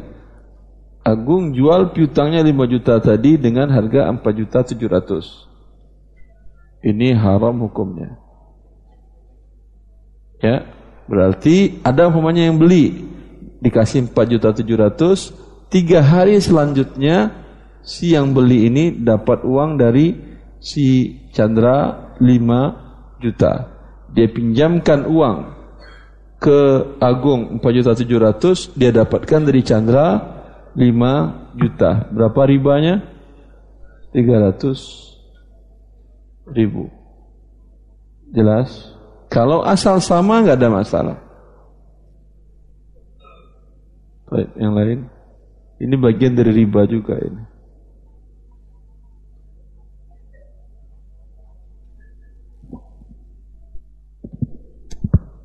Assalamualaikum warahmatullahi wabarakatuh. Assalamualaikum warahmatullahi wabarakatuh. Barakallahu fikum Ustaz. Barik fik. saya eh, bekerja di salah satu e-commerce Indonesia.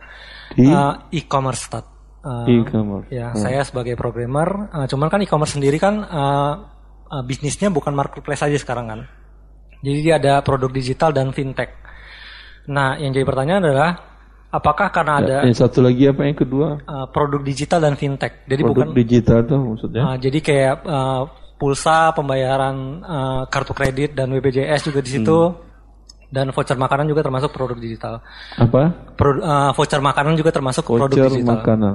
Ah, terus kalau fintech sendiri produknya itu berupa kayak pinjaman modal, reksadana dan lain sebagainya yang ah, mirip-mirip dengan bank. Ah, ini hukum bekerja seba- ah, di e-commerce sendiri secara keseluruhan itu bagaimana Ustaz? Apa Yang mirip-mirip dengan bank berarti dosanya sama mirip-mirip.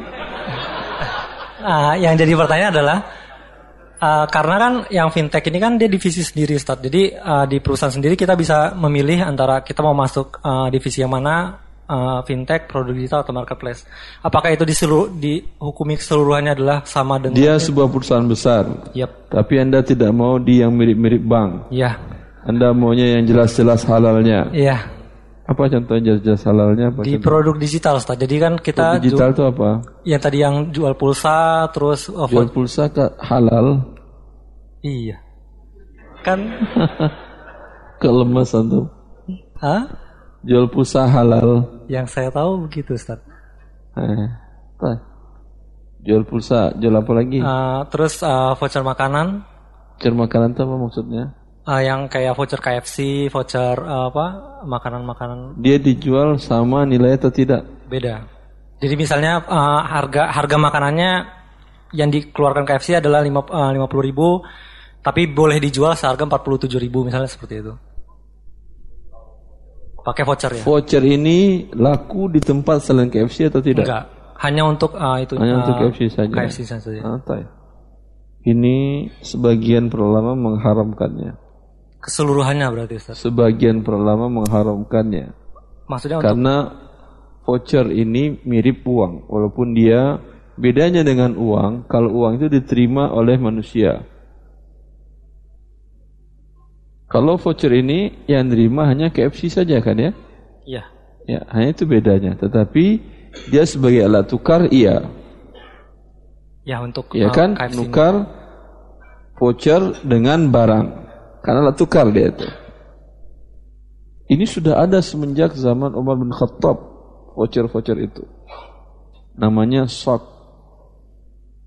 Apa namanya? Jamaknya untuk pluralnya sukuk. Itu sukuk yang pertama dikeluarkan. Eh, maaf, di masa Muawiyah. Bukan di Khattab, di masa Muawiyah bin Abi Sufyan. Setelah Khalifah Ali wafat. Muawiyah bin Abi Sufyan menerbitkan kepada membuat surat kepada para sahabat Nabi sallallahu alaihi wasallam ya yang berjasa bersama Nabi di ikut perang beberapa peperangan untuk masing-masing mereka diberikan surat dengan surat ini mereka bisa mengambil makanan pokok di daerah Jar dekat dari Jeddah. Sama nggak dengan voucher ini? Iya. Sama. Sudah ada namanya dulu sukuk. Ya, maka kemudian karena jarak mereka jauh dari Jeddah, sebagian ada yang menjual. Yang namanya jual tentu di bawah harga ini, ya atau tidak? Kalau sama apa menariknya bagi orang ngambilnya jauh? Hah? Kemudian harganya sama. Mending beli di pasar. Maka dia jual di bawah harga. Maka sebagian para sahabat Nabi seperti Abu Hurairah mengira datang kepada Sufyan dan mengatakan, atuhilluna riba Apakah kau telah menghalalkan riba wahai Muawiyah? Tapi sebagian sahabat yang lain diam. Menunjukkan di sini ada perbedaan pendapat para ulama. Sebagian mengatakan ada riba di mana sukuk ini ditukar dengan uang dinar dan dirham di bawah harga harganya. Jelas? Ya, jelas, Tad. Untuk uh, maaf Ustaz. Jadi untuk akan tetapi pendapat yang terkuat mereka masukkan ini ke dalam akad jual beli salam ya, tetapi barangnya tidak jelas. Kan gak tertera di situ namanya voucher 75 atau voucher 100 ribu KFC. Paket yang dapat apa aja kan gak jelas kan? Enggak. Gak jelas. Bila dijual di bawah harga, berarti menjual uang bukan dengan barang tapi barang yang tidak jelas. Iya. Maka tidak bisa dimasukkan dalam akad salam. Kalau dalam ya, akan tetapi sebagian saya katakan tadi sebagian besar para sahabat membolehkannya. Dan seperti itu juga per hari ini juga sebagian besar para ulama membolehkannya. Karena hakikatnya adalah jual beli barang voucher itu bukan uang karena tidak diterima oleh semua orang. Uh, untuk status uh, apa tadi keharaman karena kan ada fintechnya juga di perusahaan itu Ustaz itu bagaimana Ya udah ngapain nanti kalau ada fintechnya? Cari di perusahaan yang fintechnya itu benar-benar syariah. Jadi maksudnya apa berarti secara keseluruhan e-commerce ini sendiri ya sebaiknya dijauhi karena ada fin, ada produk fintech di dalamnya karena kan ya iyalah. Syukur jasa kalau khairan Allah barik pertanyaan tertulis Ustaz. Ustaz bagaimana hukum fintech yang seperti GoPay? Fintech kok GoPay? Fintech. GoPay fintech ahi? GoPay fintech ada juga. GoPay fintech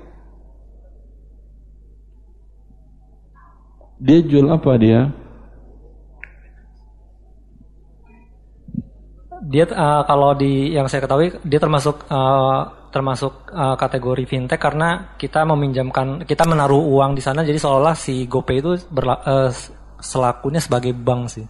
Jadi benar-benar mirip kayak bank cuman kita naruh kita nyimpan uangnya di GoPay. Hmm. Yang saya tangkap sih jadinya masuknya fintech di situ, Ustaz. Bagaimana hukum GoPay? Fintech GoPay karena dia adalah deposit uang. Dia terima uang dari orang agar menarik orang untuk naruh uang ke dia, tentu dia harus memberikan bunga, ya atau tidak? Kalau orang kalau dia memberikan harga yang sama dengan GoPay dengan uang cash, menarik apa bagi orang? Menarik tapi tidak terlalu kuat tarikannya. Ya. Hanya sekedar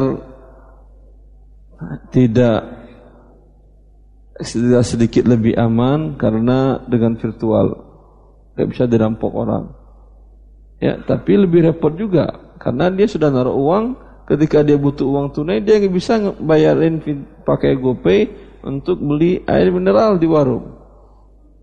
Kan nggak bisa kan ya? Hah? Agar sangat menarik orang, berarti sekarang daya tariknya seimbang antara menarik dan tidak menarik. Agar menang dia dalam menarik orang, dia tawarkan diskon. Diskon ini imbalan apa? Imbalan dari orang deposit uang ke dia. Deposit uang itu akadnya apa? Nitip atau meminjamkan?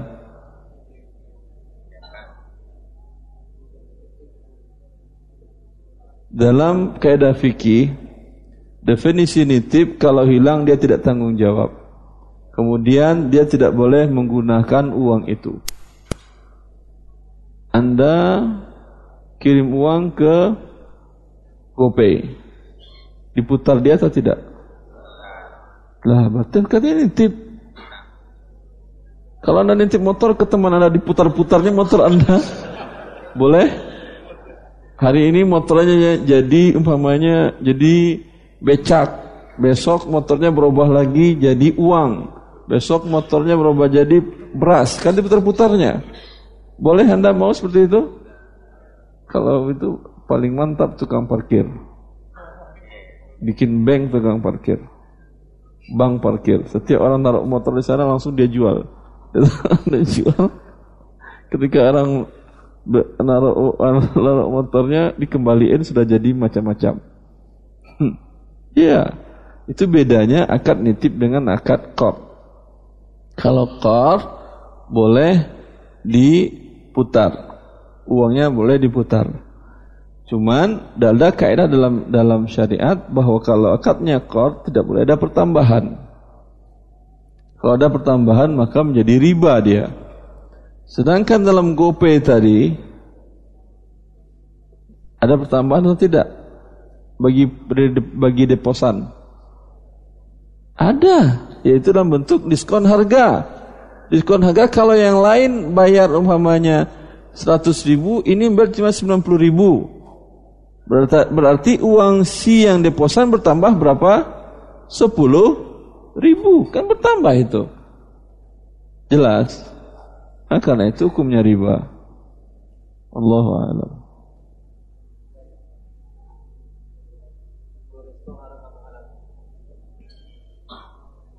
Goresto haram atau halal? Goresto ini bagaimana sistemnya?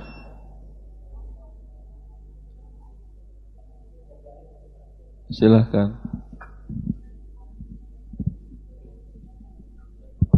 Bismillah, Assalamualaikum. Uh, Assalamualaikum. mungkin uh, saya belum praktekkan Goresto, cuman berhubung saya punya usaha uh, warung makan, jadi uh, baru mau diinin Goresto nih. Jadi sistemnya kurang lebih Goresto itu dia aplikasi untuk si yang pemilik usaha.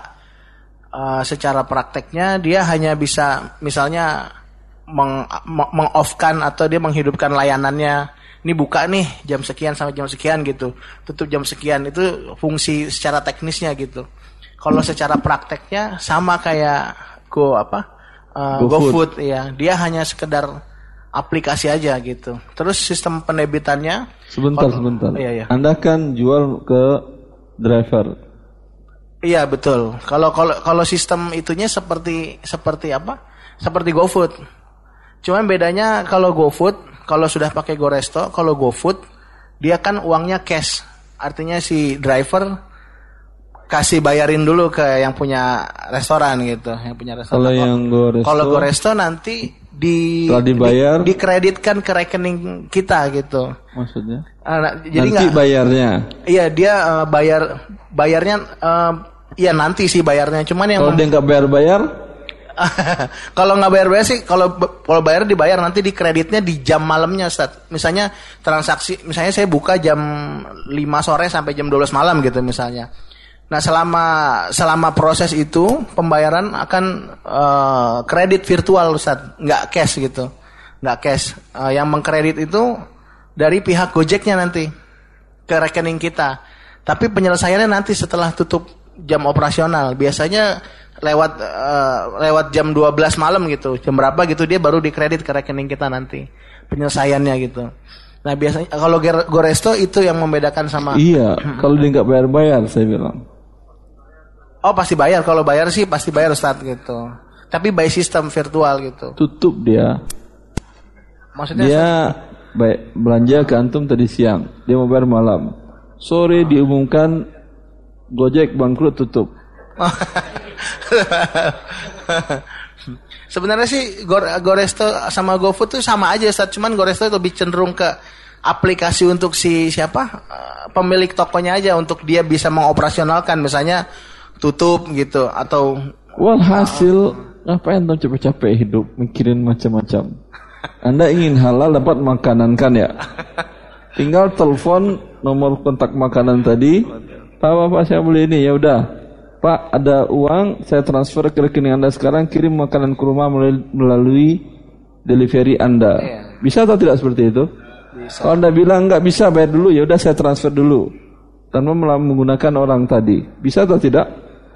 Alhamdulillah kalau bisa. Apa yang tuh bikin capek-capek? Karena setahu saya pihak Gojek ini dan yang semirip yang sejenis dengannya itu sudah merusak.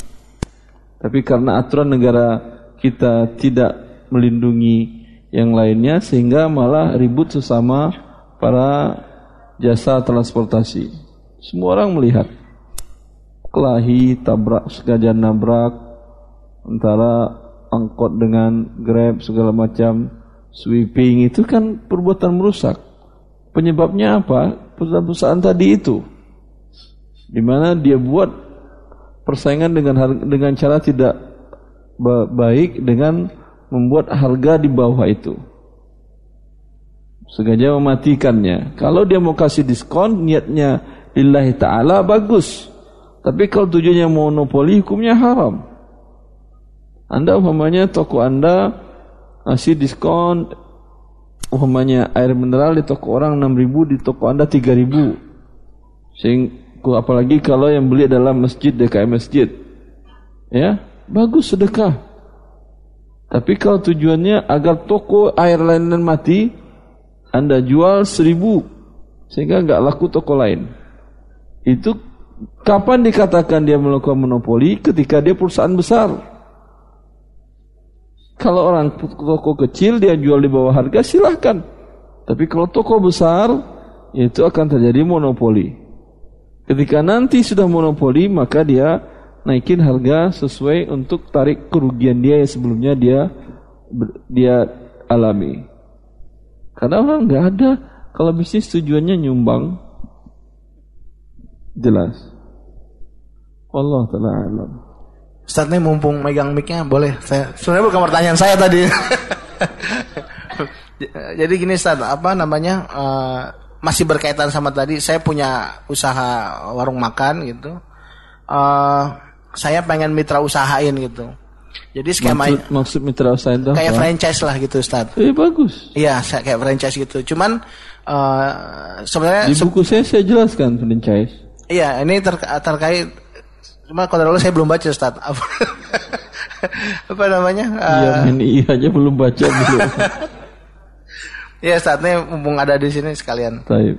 Jadi apa namanya? eh, saya bikin skema sama mitra saya nanti, rekan saya nanti itu nilainya misalnya 30 juta misalnya. Untuk dia bisa jadi rekan saya, dia bayar 30 juta.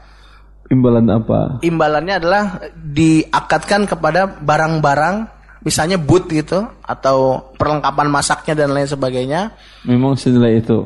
iya senilai segitu senilai Tambah segitu yang royalti. saya nggak ada royalti Ustaz itu akadnya jual beli berupa barang itu jadi 30 juta itu Berarti nggak ada royalti ngapain orang jadi Anda? nah nanti maka justru itu Karena biasanya sebuah perusahaan bikin cara franchise karena dia sudah terkenal. Punya sesuatu yang beda dengan yang lain. Ya, dia bisa jual royaltinya, dia mengembangkan brand tertentu ini menjadi brand, brand terkenal. Kalau sesuatu yang nggak terkenal, Oh, iya, ngapain orang beli? Iya saya nangkep Ustaz nggak ya itu termasuk termasuk royalti itu. yang saya tangkap tadi royalti itu dia Sekarang- Hah. Toko Anda banyak pengunjungnya? Alhamdulillah Ustaz Alhamdulillah, Anda mungkin bisa. Iya, eh, apa namanya? eh, Iya, yang saya tangkap saya nangkap royalti itu maksudnya. Jadi 30 juta itu anggap 30 juta itu sudah termasuk royaltinya. Tapi jangan mahal-mahal. Karena kalau mahal-mahal nanti orang bikin Iya, dilihatnya punya Anda segala macam dia bikin ini lebih bagus dari Anda. Iya iya oke. Eh, soal harga kan itu jadinya apa? Saya nangkaplah seperti itu. Cuman eh, sk- skemanya sama gitu. Jadi itu termasuk anggaplah 10 juta deh Ustaz. Nah, 10 terus, juta deh. terus. Anggaplah sup- Alhamdulillah. supaya poinnya masuk nih, supaya poinnya masuk nih. Bisa ditawar ya. Perumpamaan Ustaz. Jadi di 10 juta itu termasuk barang-barang dan royalti tadi. Nah itu akad yang saya limpahkan misalnya itu jual beli kan berarti jual beli barang gitu ya. Nah berikutnya yang saya itu kan itu berupa kayak kerjasama gitu. Jadi eh, sistem yang keduanya kerjasama dia mengoperasionalkan atau dia bisnisnya di wilayah tertentu, tapi kerjasamanya dia beli bahan sama saya gitu. Nah itu kalau kayak gitu termasuk satu dua akad dalam satu transaksi apa enggak Ustaz? Gitu.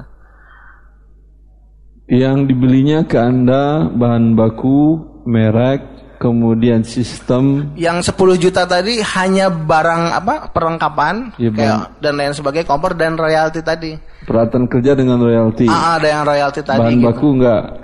Bahan baku untuk awal buka iya. Termasuk bahan baku. Kalau enggak nanti standarnya beda. Iya nanti bahan, Bahan baku. baku Anda dari kota X, bahan baku dia dari kota Z. Nanti Iya. rasanya sama atau tidak? Eh, eh, jadi yang 10 juta tadi. Rasa dia nanti lebih enak dari rasa Anda tutup usaha Anda. Iya Ustaz, kalau bahan baku nanti dia beli lagi di di apa di sistem ke, jadi supaya apa namanya eh, keotentikan atau eh, kerahasiaan resep ini tidak apa eh, tetap terjaga kualitasnya gitu. Jadi sistem ker- sistem kerjasama gitu 10 juta itu barang-barang uh, apa diakatkan untuk barang-barang tadi perlengkapan dan royalti. Terus saya bikin kerjasama sama dia ikatan kerjasama gitu. Ya, Jadi dia ini kalau mau sepertinya butuh konsultasi khusus. Antum baca di Sintam Franchise. Bila nanti kurang jelas, bisa datang ke kantor. boleh boleh insyaallah. Syukran jazakallah. Ya, baik. Hukum menyicil emas di BSM, Ustaz. Hukum mencicil emas di BSM itu cicilan emas diharamkan oleh OKI, Organisasi Konferensi Internasional dan mereka tuangkan dalam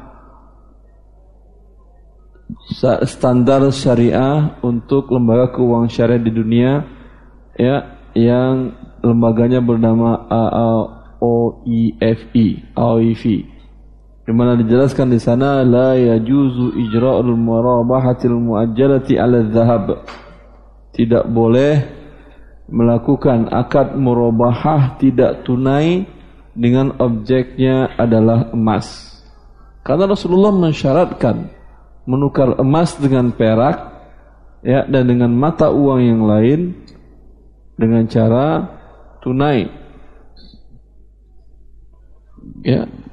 Dan aturan ketika ada salah seorang pejabat di BUMN yang mengurus emas, dia menjelaskan aturan di Jepang kata dia itu mewajibkan para pedagang emas menjualnya dengan yen dengan cara tunai. Sini emas, sini yen, sini yen, sini ini emas. Apakah Jepang orang muslim? Enggak, cuman hasil riset mereka itu yang terjadi itu yang terbaik menurut mereka dalam mengelola ekonomi. Anda muslim gak capek-capek riset sudah diberikan oleh Nabi, tapi masih cari yang lain. Orang-orang kafir saja pakai agama Anda, Hah? kenapa Anda mencari yang lain? Asas atas tabdilun alladhi huwa adna billadhi huwa khair. Seperti Allah mengingatkan orang Yahudi di mana orang Yahudi tersebut diberikan oleh Allah makanan dari langit, mana dan salwa. Tapi mereka masih pengen timun, ah, kacang adas, masih pengen bawang putih, bawang merah, rendah seleranya. Kasih Allah Allah dari langit meminta yang dari bumi. Khawatir kita jadi orang-orang Yahudi. Betul dikatakan Rasulullah bahwa umat Islam akan mengikuti umat Yahudi dan Nasrani. Sejengkal demi sejengkal. Sampai pun mereka masuk ke lubang dob, kalian akan mengikutinya. Sudah dijelaskan oleh Allah dan Rasulullah SAW dalam jual beli emas dengan mata uang harus tunai. Lalu muncul halal di bank syariah jual beli emas dengan tidak tunai. Innalillahi wa inna ilaihi raji'un. Tahu saya ini sudah dilarang BI kalau saya tidak salah. Tapi BI melarangnya bukan apa-apa karena dikhawatirkan terhadap cadangan emas. Bukan karena itu riba atau bukan. Mereka beralasan bagi Dewan Syariah Nasional yang menghalalkan itu ya, mereka beralasan bahwasanya emas sekarang beda dengan emas di masa Nabi. Emas di masa Nabi mata uang. Emas sekarang kata dia sama dengan komunitas lain. Sama dengan besi ah, dengan yang lain-lain sama. Saya pikir sebodoh-bodohnya orang nggak pernah belajar ekonomi nggak nggak mungkin ngomong seperti ini. Apakah sama emas dengan besi? Sama dengan komoditi biasa enggak sampai sekarang dia tetap sebagai uang karena dalam sejarahnya uang kartal itu adalah mewakili emas. Kan uang orang dulu emas. Siapa yang mau tukar emas dengan kertas itu tidak ada. Makanya pertama muncul banknote itu tertulis di kertas itu ini Anda membawa 101 rupiah. Bisa ditukar dengan satu rupiah emas di bank. Ya atau tidak? Itu yang banknote. Kemudian setelah orang percaya dengan kertas ini, maka kemudian nggak ada lagi tulisan itu. Tapi ini mewakili emas yang ada di bank sentral itu. Karena kalau tidak ada emasnya, siapa orang yang mau negara orang pakai emas? Mata uangnya. Siapa yang mau tukar emas mereka dengan kertas Indonesia? Kan pernah terjadi jemaah haji tidak diterima di Mekah ketika tukar uang karena diisukan ada isu bahwa seri nomor sekian mata uang rupiah itu tidak ada backup emasnya. Sempat heboh kan ya? Pernah dengar atau? Hah? Subhanallah. Siapa yang mau tukar emas negaranya dengan kertas? Itu tidak ada. Ya. Jadi kalau dikatakan emas bukan mata uang hanya komoditi, orang yang itu orang yang tidak mengerti akan apa yang terjadi pada hakikatnya. Apa bedanya bank konvensional dengan bank syariah? Apa bank syariah itu mubah? Dan bagaimana hukum bank pemerintah termasuk BI? Eh, banyak pertanyaannya ini. BI bank pemerintah, BI itu bank pemerintah. BI apa kerjanya? Mengontrol, mengontrol sekarang pindah ke OJK bukan? BI apa kerjanya? Ngutang. BI kerjanya adalah menetapkan suku bunga di Indonesia. Suku bunga itu apa artinya? Riba udah. Ini menetapkan riba hari ini 7%, besok riba 7, sekian persen, besok riba sekian persen itu siapa? Oh, udah, ngapain tuh kerja tempat dari yang menetapkan riba? Baik. Mau kerja di OJK, kerja di OJK dia yang mengontrol bank-bank riba tadi agar riba berjalan mantap. Seperti ini SOP-nya, ini harus dilakukan, ini resikonya kurangi, ini bersebegini. begini. Ya. Innalillah. Di mana lagi kerja Ustaz? Ya akhirnya nenek moyang kita kerja nggak pernah pakai riba, cucunya sampai sekarang masih hidup. Jumlahnya makin banyak, makin banyak. Ini yang memiliki dunia kan Allah Azza wa Jalla, bukan iblis, bukan syaitan. Sehingga kalau anda ingin mengambil rezeki bukan dengan cara maksiat kepada Allah. Anda ingin dapat rezeki dari Allah, tapi anda lawan dia. Tahu siapa yang anda lawan itu? Allah milik langit dan bumi ini. Karena Allah telah menyatakan perang kepada para pelaku riba. Fa illam taf'alu fa'danu biharbin minallahi wa rasulih. Jika kalian tidak berhenti melakukan riba, Berarti kalian telah mengumumkan perang melawan Allah dan Rasulnya. Pakai senjata apa yang anda gunakan? Nuklir cukup bisa menghancurin Allah? Ya akhi. Allah menjelaskan dalam kitabnya sebuah kepastian dan kebenaran. Allah mengatakan wal ardu jami'an qabdatuhu yaumal qiyamah. Bumi dan seluruh isinya nanti di hari kiamat qabdah. Kalau qabdah itu dalam bahasa Arab ini qabdah. Kalau dikatakan qabdatuhu bumi dalam qabdahnya berarti bumi dalam ininya nuklir bisa ngancurin bumi ini tidak. Lalu kalau Anda pakai nuklir, kalau kita katakan manusia kena semut dikit itu geli doang. Siapkanlah senjata yang terkuat Anda kalau ingin buat riba, siapkan senjata terkuat melawan Allah. Kalau tidak berani dan memang tidak ada manusia yang berani. Allahu Akbar ucapan kita Allahu Akbar Allah Maha besar memang Allah Maha besar. Ketika seorang pendeta Yahudi datang mengatakan, "Hai Muhammad, sesungguhnya di tangan Rabb di di, di fi isbu' dalam bahasa ini isbu' bumi fi isba'ihi kemudian sungai-sungai dan lautan fi isbi'ihi. Kemudian pepohonan dan hewan-hewan fi isbi'ihi di jemari di jemari. Jemari Allah. Maka Rasulullah SAW tertawa sehingga kelihatan taringnya menunjukkan sama apa yang ada dalam Al-Quran dengan apa yang diucapkan Yahudi ini. Bahwa Allah sangat maha besar. Sekarang mau lawan perang. Ya. Maka jangan pernah berpikir berani untuk berbuat melakukan riba.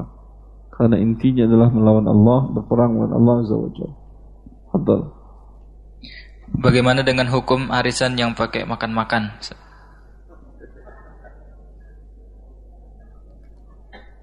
Eh, Masya Allah. Arisan itu akadnya pinjam meminjam. Ya, kan kasihan kalau yang dapat menanggung makan yang lain. Dia dapat pinjaman dari anda, lalu bayar anda makanan. Zolim sekali kan ya. Bukan dia bukan dapat rezeki, bukan pinjaman dari anda akan dibayarnya nanti.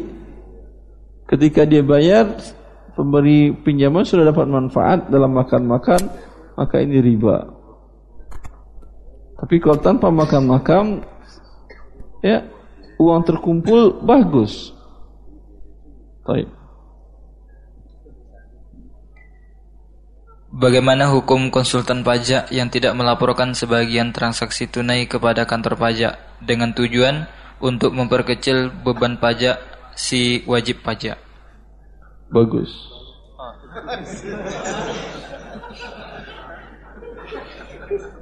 Karena pajak itu sebuah kezaliman. Maka orang yang bekerja meringankan kezaliman dari orang lain dengan cara yang baik dan legal, ya suatu hal yang boleh. Ya, konsultan pajak dia akan tahu mana yang bisa kalau tidak dilaporkan berkurang pembayaran pajak yang harus ditunaikan dan tidak melanggar ketentuan pekerjaan mulia ini. Betul lah. Saya mau bertanya, ibu saya berjualan berjualan makanan. Bolehkah kita menerima uang pembayaran makanan dari hasil kerja sebagai kupu-kupu malam? Apakah harus digratiskan saja? digratiskan kemudian suruh dia bertobat kepada Allah. Ya, paling jawabannya emang kamu bisa ngasih saya rezeki.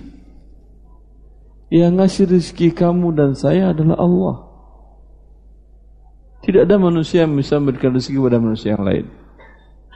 Tapi kalau mau kerja, dimudahkan urusan oleh Allah dan dibantu oleh manusia. Ya, sering orang ketika diingatkan, untuk meninggalkan sesuatu yang haram emang Ustaz Erwani ngomong doang emang dia bisa ngasih uang orang rezeki orang terus gimana tuh anak istrinya nanti ya anak istri anda dan anak istri saya semuanya Allah yang jamin ya Jangankan istri Anda, anak istri semut, gajah yang besar itu juga Allah yang jamin. Pernah gajah jantan berpikir, ini nanti kalau saya berhenti dari riba, ini gimana anak istri saya makannya banyak? Kan enggak. Kenapa anda enggak sampai segede gajah tapi tamaknya luar biasa, penakutnya luar biasa? Ya, lihat hewan, subhanallah, dengan kecerdasan jauh di bawah manusia, tapi mereka taat dan takut kepada Allah Azza wa Jalla. Manusia yang diberi kecerdasan yang tinggi takut untuk mentaati Allah ya hanya karena masalah rezeki. Allah sudah jamin rezeki kita. Wa ma min dabbatin fil ardi illa 'ala Allah rizquha. Ya'lamu mustaqarraha wa mustawda'aha kullun fi kitabim mubin. Tidak ada satu pun yang melata yang berjalan di muka bumi ini diberikan nyawa oleh Allah melainkan rezekinya sudah dijamin oleh Allah Azza wa. Yang masing-masing sudah ditunjukkan adalah di mana tempat rezekinya itu. Ya. Jangan pernah kita katakan rezeki harus kau nak kalau enggak sekolah nanti mau makan apa? Emang sekolah diajarin cari makan? Kan enggak kan ya? Macam-macam diajarinnya. Padahal tujuannya ingin cari makan. Ya. Maka ikhwani semua kita mengetahui itu bahwasanya rezeki kita di tangan oleh di tangan Allah Azza wa Jalla. Bukan dengan cara bersekolah kita dapat rezeki. Banyak orang tak bersekolah malah lebih kaya daripada yang bersekolah. Banyak orang yang sekolahnya rendahan, nikmat yang halal diberikan oleh Allah lebih banyak kepada dia daripada yang sekolahnya tinggi. Yang sekolah tinggi dia dapat gelar. Yang sekolah rendah memang enggak dapat gelar tapi dapat rezeki banyak. Kan adil Allah itu. Kalau hanya sekolah tinggi dapat rezeki banyak, ya, kemudian yang sekolah rendah dapat rezeki yang dikit berarti kan gak adil. Ya atau tidak? Baik. Sebelumnya, bagi para sahabat yang memiliki mobil dengan plat B1675 TIJ, B1675 TIJ mohon dipindahkan karena ada yang mau keluar. E, masyarakat setempat ada yang mau keluar. Kemudian ada yang curhat di belakang. Tolong dong Bu, jangan komen melulu, dengerin aja. Masya Allah. Pertanyaan Curhat selanjutnya. ke Allah ibu. Jangan ke teman. Lagi saat kajian dengarkan kajian. Kalau ada yang enggak tenang dan senang, minta ke Allah agar dimudahkan untuk mengikuti hidayah. Ya. Karena saya yakin apa yang saya sampaikan ini bagi sebagian manusia kaum muslimin berat untuk dengarnya. Ya, karena selama ini banyak perubahan-perubahan harus kita lakukan dalam hidup ini agar kita diridhai oleh Allah Azza wa Jalla. Dengarkan dengan baik, kemudian minta kemudahan dari Allah agar mendapatkan taufik bisa mengamalkannya. Baik. Mohon yang punya mobil tadi segera. Pertanyaan selanjutnya, bagaimana hukum trading saham konvensional atau saham syariah? Karena pernah dibahas di suatu majelis bahwa itu dibolehkan. Dibahas di suatu majelis itu dibolehkan. Eh, majelis siapa maksudnya? Pernah dijelaskan dalam suatu majelis bahwa itu dibolehkan. Majelis siapa maksudnya ini? Eh, Mungkin pernah dengar suatu kajian. Ustaz. Oh, kajian. Bukan kajian saya kan ya. Salah bukan. Jual beli saham atau trading saham ya. Kalau yang konven terlalu banyak masalahnya, terlalu ribet dan semuanya haram. Lihat di buku harta haram. Kalau yang syariah yang kita pelajari syariah dulu. Karena dengan tahu syariah nanti tahu Anda yang konven lebih parah lagi. Sebuah saham dinyatakan syariah dan boleh diperjualbelikan menurut standar dari Dewan Syariah Nasional ya yaitu bahwasanya pinjaman riba perusahaan itu di bawah 45% dari nilai modal aset perusahaan tadi. Sebuah perusahaan dengan nilai 100 miliar. Ya. Ada pinjaman riba 40 miliar ke bank ribawi. Ini dikatakan syariah. Kalau kegiatannya di bidang yang halal. Ya. Berarti sebuah dosa besar di bawah 45% berarti syariah. Iya atau tidak? Karena ini adalah tiba dosa besar.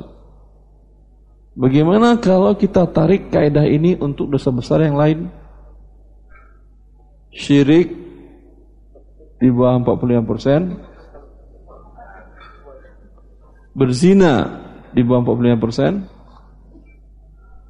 mencuri di bawah 45 persen, membunuh di bawah 45 persen, nggak ada agama lagi ya. Karena sudah tidak ada larangan kalau dengan begitu. Maka saya heran kenapa fatwa ini bisa muncul. Itu fatwanya ada, bisa Anda baca di Fatwa Dewan Syariah Nasional Indonesia. Hah? Ini yang syariah. Berarti kapan sebuah saham dinyatakan syariah? Yaitu karena Anda sekarang menjadi pemilik.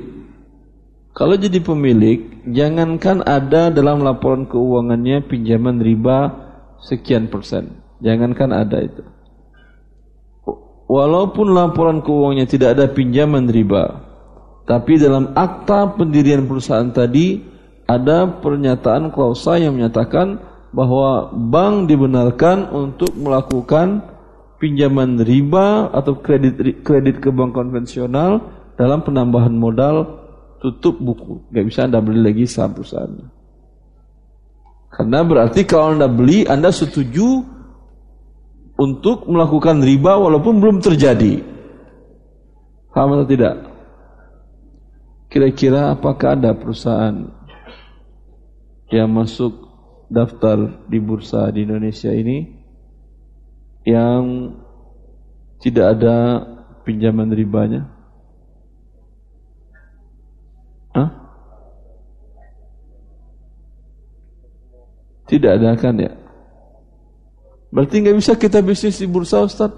Siapa yang nyuruh anda cari rezeki di bursa? Abdurrahman bin Auf ketika wafat dia dia memiliki lebih dari 3 juta dinar. Dia pernah memberikan hadiah kepada sahabat Rasulullah yang ikut perang yang ikut perang Badar, veteran perang Badar ketika dia kaya, setiap sahabat itu diberikan hadiah oleh dia sebanyak 40 ribu dinar. Satu miliar lebih. 40 ribu kali 600 berapa? Berapa miliar itu? Ah. 4,25 1 miliar. Ya. Dicek ternyata ada 100 sahabat Nabi yang masih hidup veteran perang Badar. Semuanya dapat 1 miliar, 100 miliar. Dari mana kekayaan dia dapat ini? Dari bursa? Dari jualan di bursa dia? Enggak, dia jual real. Jualannya makan pokok. Berapa modal awal usahanya ini? Dapat pinjaman dari mana modalnya? Ada di waktu itu bank riba X ada? Tidak. Dia mulai dari beli barang dengan tidak tunai. Dia jual dengan tunai. Untung. Ya, diberikan uang uang hadiah cuma-cuma dia tidak mau. Bukan pinjam uang bukan hadiah tapi malah beli barang dengan cara tidak tunai dan dengan itu dia meraup kekayaan yang sangat luar biasa. Begini ya akhi menghidupkan ekonomi umat itu. Bukan dengan cara menghalalkan atau mencari-cari pembenaran untuk sesuatu yang dimurkai oleh Allah bukan dengan cara menipu umat.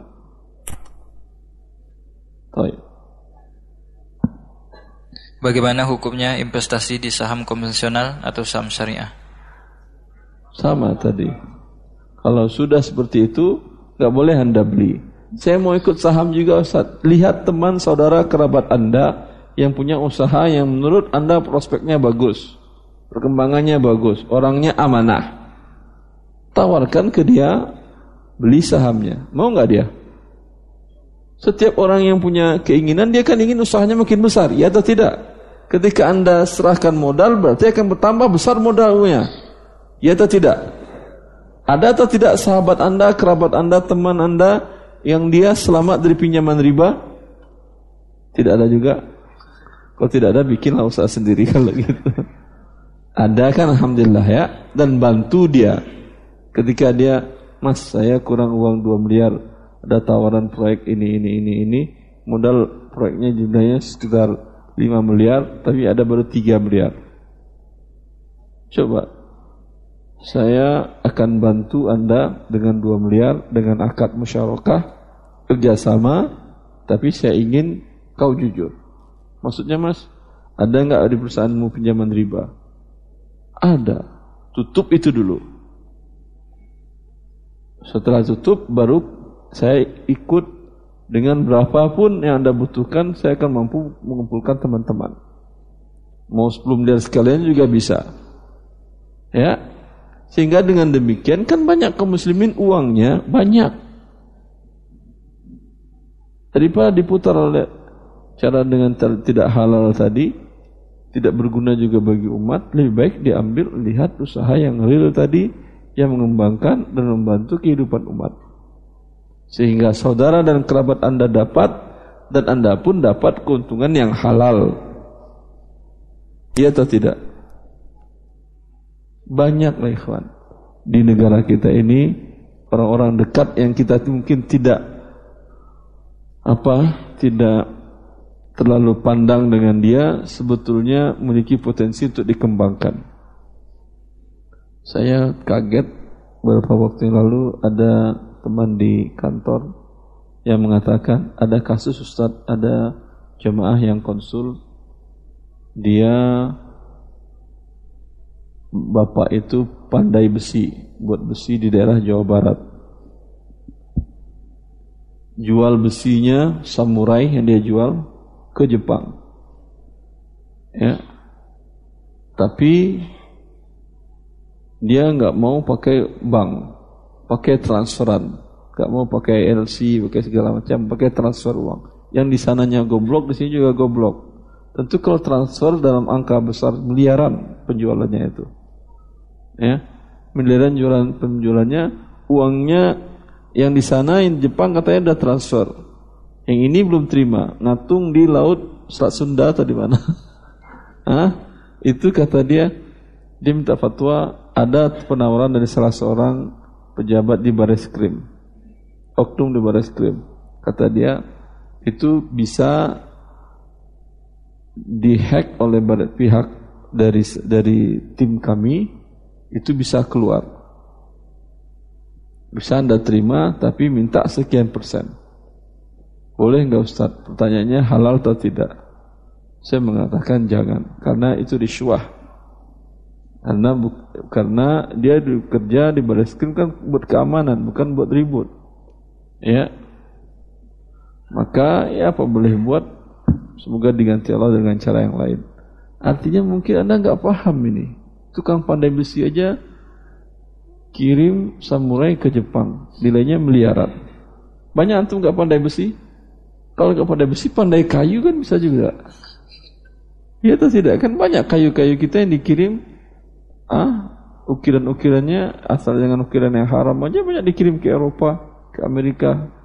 Jangankan itu, saya kenal seseorang ngirim lidi. Nah, ke mana dia kirim lidi? Ke Asia Tengah. Dia kirim pakai kontainer. Lidi apa? Lidi sawit. Hampir setiap bulan itu dua kontainer, tiga kontainer dia kirim lidi sawit itu kan sampah. Dan mendapatkannya lebih gampang daripada sampah plastik. Kalau sampah plastik kan ambil di sini satu jalan 3 meter lebih lagi itu capek. Kalau ini kan sudah ada dibuang di, di perkebunan sawit itu dibuang, diambil, taruh di mobil. Ada daripada taruh di mobil, ambil kembali anda. Ambil satu-satu laut. Harganya lebih mahal daripada buah sawitnya, kata dia. Buah sawit 1500 per kilo, Ustaz. Lidi 5000 per kilo. Sampah. Tapi rezeki dari Allah Allah tunjukkan, Alhamdulillah. Ya, dia butuh modal ini mungkin bisa anda bantu. Pak, saya bantu untuk pengumpulan modalnya, untuk pengumpulnya. Saya tunjuk-tunjuk oleh anda agen-agen di tempat yang banyak, ya untuk ini kan gampang. Ibu-ibu kan biasa sambil duduk gini-gini, Hah? Selesai sekilo lima ribu, selesai sekilo lima ribu. Sekali duduk mungkin bisa 30 kilo. Alhamdulillah kan. 150 ribu gaji sekali duduk kan lumayan. Sambil baca berzikir Bismillah, Subhanallah, Alhamdulillah, Allah Akbar. Ah, dapat 150 ribu dapat pahala yang banyak. Subhanallah, Alhamdulillah, wa la ilaha illallah Akbar. Ghirasun min ghirasil jannah. Apa artinya itu? Tanaman surga, buah surga ditanam, pohon surga ditanam dengan ucapan Subhanallah, Alhamdulillah, wa la ilaha illallah Allah Akbar. Ah, dapat 150 ribu, dapat pohon di surga yang banyak tertanam sudah. Alhamdulillah terus. Bagaimana jika konsep akad musyarakah dijalankan secara berjangka? Misal pemodal bekerja sama dengan seseorang untuk membuat warung, tapi bekerja sama hanya selama satu tahun dan keuntungan sudah diperhitungkan modal dan properti semua dari pemodal dan warung itu wajib membeli barang-barang jualan harus ke pemodal halal ataukah tidak modal dia serahkan uang atau apa? Hah? Investor menyerahkan uang atau barang?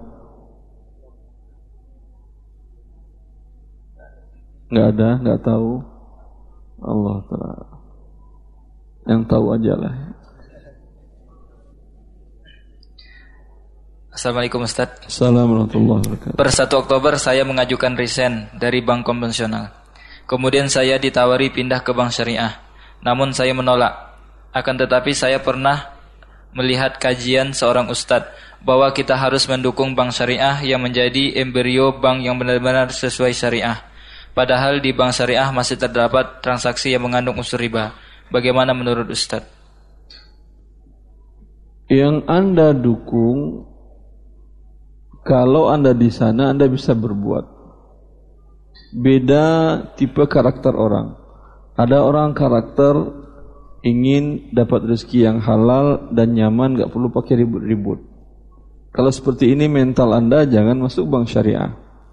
Karena tujuan Anda ingin merubahnya dengan murni jadi syariah pasti akan ribut. Pasti akan bersentuhan dan bersinggungan dengan uh, ribut di di level mana pun dari bawah sampai ke atas. Kalau tipe anda tidak bisa berjuang banyak, penting dapat rezeki halal, udah cari yang lain yang halal. Tapi kalau tipe hanya karakternya anda mampu berbuat seperti ini sebagai uh, pendobrak sebuah kesalahan yang sudah terlanjur dilakukan, bagus. Memang ada saya lihat di beberapa bank syariah di mana dengan melalui adanya beberapa individu, beberapa oknum bisa berakad dengan dia Ustaz, antum pengen seperti apa? Akad syariahnya dengan saya bisa. Itu intinya. Merubahah. Maunya beli rumah.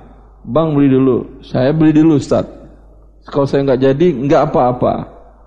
Kemudian baru buat akad minta margin dia boleh lalu saya keter, denda keterlambatan dibuang coba dilihat Ustaz nggak ada dibaca nggak ada bisa dia buat? Bisa, Alhamdulillah. Hah? Kerjasama musyarakah, di mana saya bawa salah satu ada jamaah yang dia dapat proyek pembuatan LRT dari di Jalan Sudirman Tamrin, 10 stasiun. Ya, kata saya, ajak ke dia, ini teman ini ada seperti ini saya tawarkan kepada dia kan musyarakah Ustaz. Apa itu musyarakah? Anda sekarang pengusaha dapat dapat ada modal berapa? Ada modal sekitar 5 miliar. Nilai proyek berapa? Sekitar 50 miliar. Ya udah, kami share modal dengan Anda 45 miliar, Anda 5 miliar. Berarti saat berapa? 10 banding 90 kan ya? 10% dengan 10% ini kan ya? Untung kita bagi 50-50 karena Anda yang kerja, kami nggak kerja. Kerugian kita tanggung, kalian untuk um, rugi 10%, kami 90% karena porsi modal seperti itu. Ini Ustaz ada gimana Ustaz sudah mulai syar'i? Saya bilang sudah. Tapi tolong buatkan akadnya. Nanti di omongan syar'i di akad lain lagi ya kan suatu pelompatan yang luar biasa bank syariah siap menanggung kerugian sebesar porsi modalnya. Yang biasanya kan nggak begitu. Jelas? Tapi tadi saya katakan tadi butuh orang yang pengen berjuang. Tapi kalau orang pengennya santai, tenang, ya, yang penting dapat yang halal, sebaiknya jangan pernah berpikir masuk bank syariah. Pertanyaan yang sebelum tadi itu eh, barang Zat, berbentuk barang. Yang mana? Yang bersyarikah dijalankan secara berjangka. Ya udah. Waktunya sudah selesai, sudah azan. Subhanakallah bihamdika. Assalamualaikum warahmatullahi wabarakatuh. Masih banyak pertanyaannya belum terjawab. Mudah-mudahan dalam waktu dekat kita bisa mengundang Ustaz kembali. Amin ya rabbal alamin. Kita tutup dengan doa kifaratul majelis. Subhanakallah bihamdika asyhadu an la ilaha illa anta astaghfiruka wa atubu ilaik. Assalamualaikum warahmatullahi wabarakatuh.